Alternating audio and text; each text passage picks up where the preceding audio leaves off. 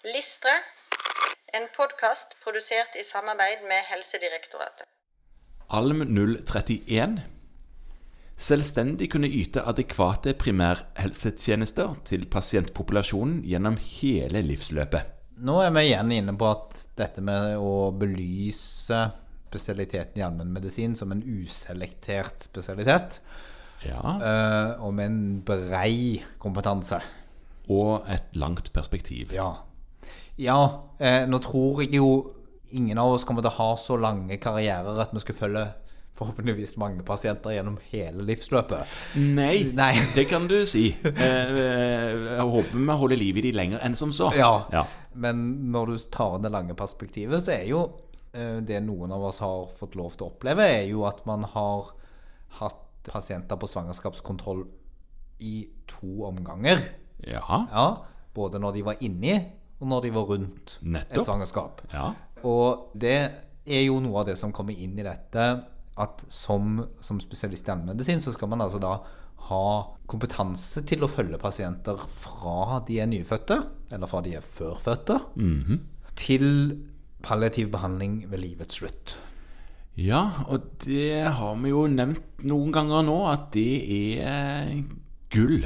Og det Ja. er det gjort forskning på òg, som viser at dette her er gull på alvorlig mange parametere.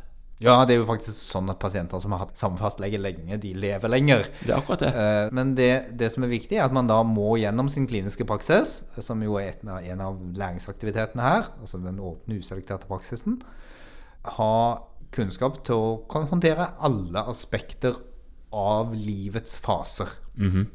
Og så står det også at man skal ha arbeidserfaring fra ulike arbeidsområder. Og det går jo på at man skal ha kjennskap til både helsestasjon, til sykehjemstjeneste, til lindrende behandling osv.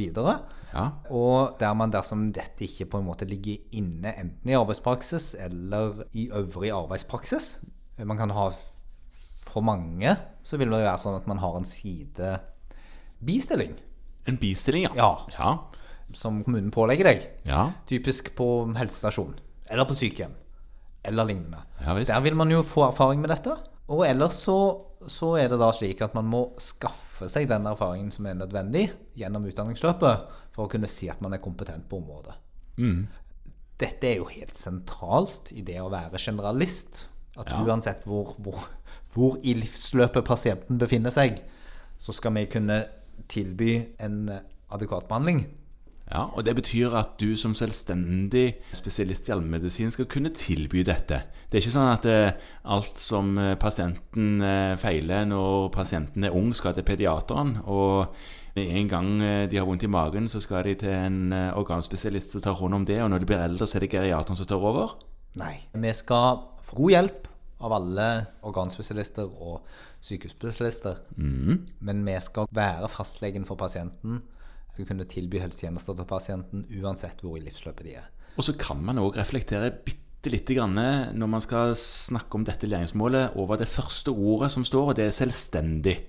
Ja, Fordi noen ganger så er det jo sånn at man er på sykehus og skal jobbe der et år, eller kanskje et halvt år, eller man er borte på ferie, og så blir man kanskje engstelig for at man eh, glipper noe her, da. At man ikke lenger klarer å følge opp de som trenger hjelp. Ja, men selvstendighet er jo noe av det som ligger i at man har gått gjennom en videreutdanning. Det er riktig?